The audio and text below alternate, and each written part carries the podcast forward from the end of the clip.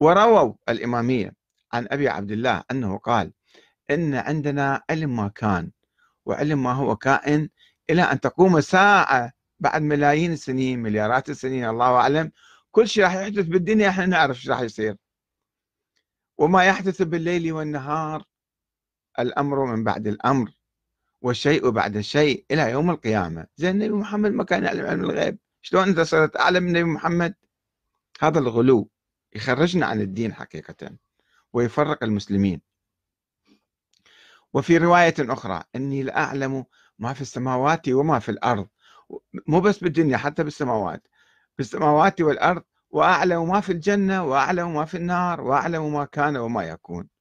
قال الراوي ثم مكث هنيئة فرأى أن ذلك كبر على من سمعه منه. صار شيء صعب هذا ما حد ما يتحمل الكلام. فقال رجعها يعني بعدين. قال علمت ذلك من كتاب الله عز وجل إن الله عز وجل يقول فيه تبيان كل شيء. يعني فيه تبيان كل شيء من الأحكام الشرعية من العقائد مو شنو أكو بالدنيا؟ وش راح يحدث في الدنيا اليوم القيامة؟ هذا تأويل تعسفي. وما أعرف الإمام الصادق يقول الكلام أستبعد جدا. بس ينسبوه ينسبون الكلام هذا. حتى لو قال هو هذا قول بدون دليل وقول تعسفي ما يمكن نقبله من أحد. يخالف القرآن.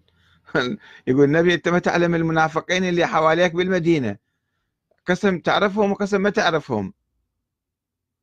فشلون هذا الشخص يجي يقول لك أنا إمام وعندي علوم الأولين والآخرين؟ هذا تفخيم وبالتالي من يعتقد بذلك سوف يعني يكون ويؤلف دينا جديدا بالحقيقة.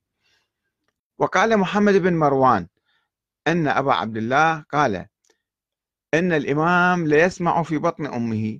هو بعد ما متكون شلون يسمع؟ فإذا صار الأمر إليه جعل الله له عمودا من نور.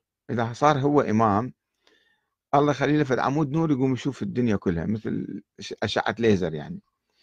فيبصر به ما يعمل أهل كل بلدة يشوفهم كلهم. أقمار صناعية شنو يعني؟ وإذا قام بهذا الأمر رفع الله له في كل بلدة منارا ينظر به إلى أعمال العباد. هذا النبي محمد ما كان يسوي ولا أحد من الأنبياء السابقين. فشوفوا شلون الناس جايين يفتعلون هالقصص والأحاديث ويكبرون من الأئمة يغالون فيهم هالغلاة وبالتالي تصبح عقائد الآن روحوا بالنجف اسألوهم اسألوا الشيوخ المراجع كل اي إي صحيح صحيح صحيح. ابحث شوية في الموضوع. دقق ابحث تأكد. مو تجي تروي الأشياء على المنابر وتكتبها بالكتب وما عندك علم فيها ولا محقق ولا مدقق. ويبدو التلازم بين دعوى الإمام الإلهية أن هذا لازم إمام من الله معينة شلون ما عنده علم ما يصير فلازم يسوي له علم. يعني القول بأن هذا إمام معين من قبل الله يؤدي إلى هاي النظرية أنه هذا لازم عنده علم من الله أيضا. فأكو تلازم بين دعوى الإمامة الإلهية ودعوى علم الغيب واضحا في الروايات التالية خلينا نشوفها. التي يرويها الكليني عن أبي عبد الله أنه قال أي إمام لا يعلم ما يصيبه وإلى ما يصير فليس ذلك بحجة لله على خلقه. هذا شلون إمام ما يعرف إيش راح يصير به راح يصير بالدنيا فمو معقولة. وإن الله أكرم وأرأف وأرأف بعباده من أن يفرض طاعة عبد على العباد ثم يحجب عنه خبر السماء صباحا ومساء. فلازم عندي أنا تقارير تجيني يومية كل صبح وبالليل.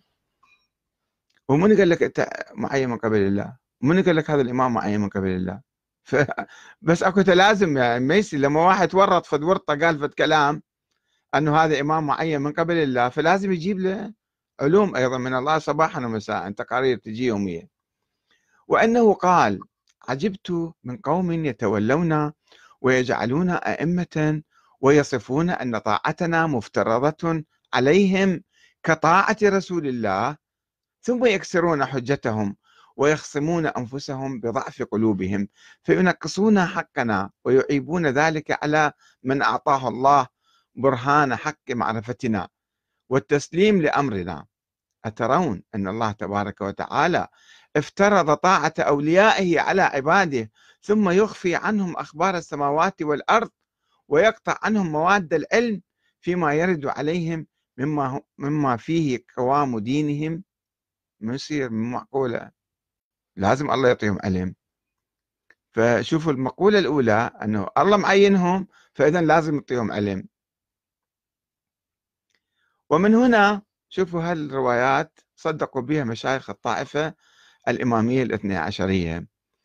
ومن هنا قال الشيخ المفيد في كتاب الثقلان عنده كتاب اسمه بعد بحث موضوع اشتراط العصمة في الإمام قال الإمام لازم يصير معصوم عن الرئيس الحاكم السلطان لازم يصير معصوم.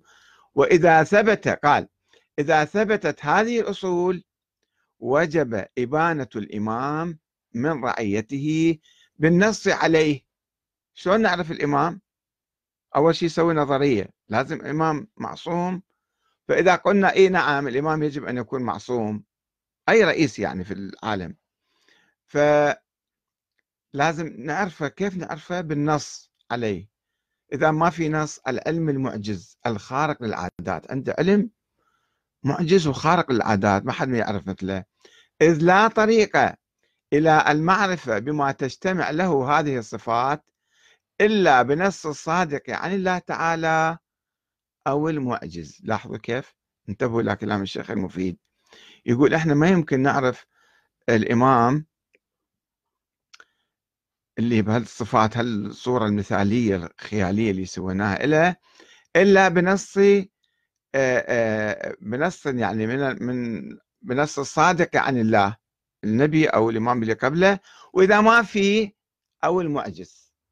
فصار هذا دليل الإمامة الإعجاز وهذا شيء وهمي. خرافي أسطوري ما له حقيقة. لا عندهم معاجز ولا هم يحزنون. وقال السيد المرتضى في الشافي عند كتاب اسمه الشافي بعد بحث موضوع العصمة نفس الشيء. يقول إذا ثبت ذلك وجبت إبانته بالنص أو المعجز. وقال الشيخ الطوسي في تلخيص الشافي إيجاب النص على الإمام أو ما يقوم مقامه إما أكو نص إيجاب النص على الإمام أو ما يقوم مقامه. إذا ما عندنا طبعا أكثر كل الأئمة ماكو عليهم نصوص. أو ما يقوم مقامه من المعجز الدال على إمامته. يعني شلون يصير إمام؟ لا عليه نص ولا عنده معاجز ولا يعلم علم الغيب يصير إنسان عادي. وهو إنسان عادي في الحقيقة ما عنده لا معجز ولا نص ولا علم غيب ولا هم يحزنون؟ بس هاي في الخيال يسوون النظريات هذه. ويضيف الشيخ الطوسي بعد ويقول ولا بد مع صحة هذه الجملة إذا إحنا يعني سلمنا بهالموضوع آه، من وجوب النص على الإمام بعينه. لازم أكو نص عليه. وإذا ما أكو نص شو نسوي يا الشيخ الطوسي؟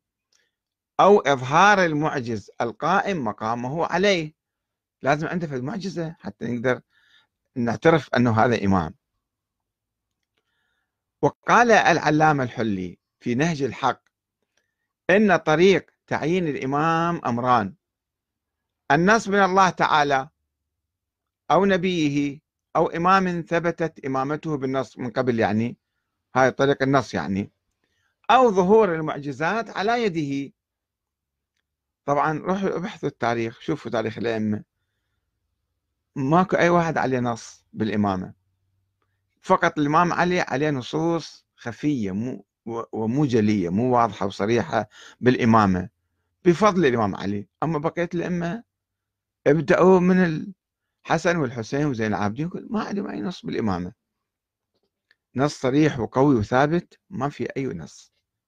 فشي يسوون؟ لازم يبتدعون فشي دليل جديد حتى يكونوا هالنظرية. ويركبوها على هؤلاء الأشخاص اللي يسموهم أئمة. فيقولون المعجز عنده معاجز وعنده علم غيب وعنده كذا و... نجي على المحدث. النصوص كلها ترى المصادر كلها موجودة من كتاب الكافي وغيره.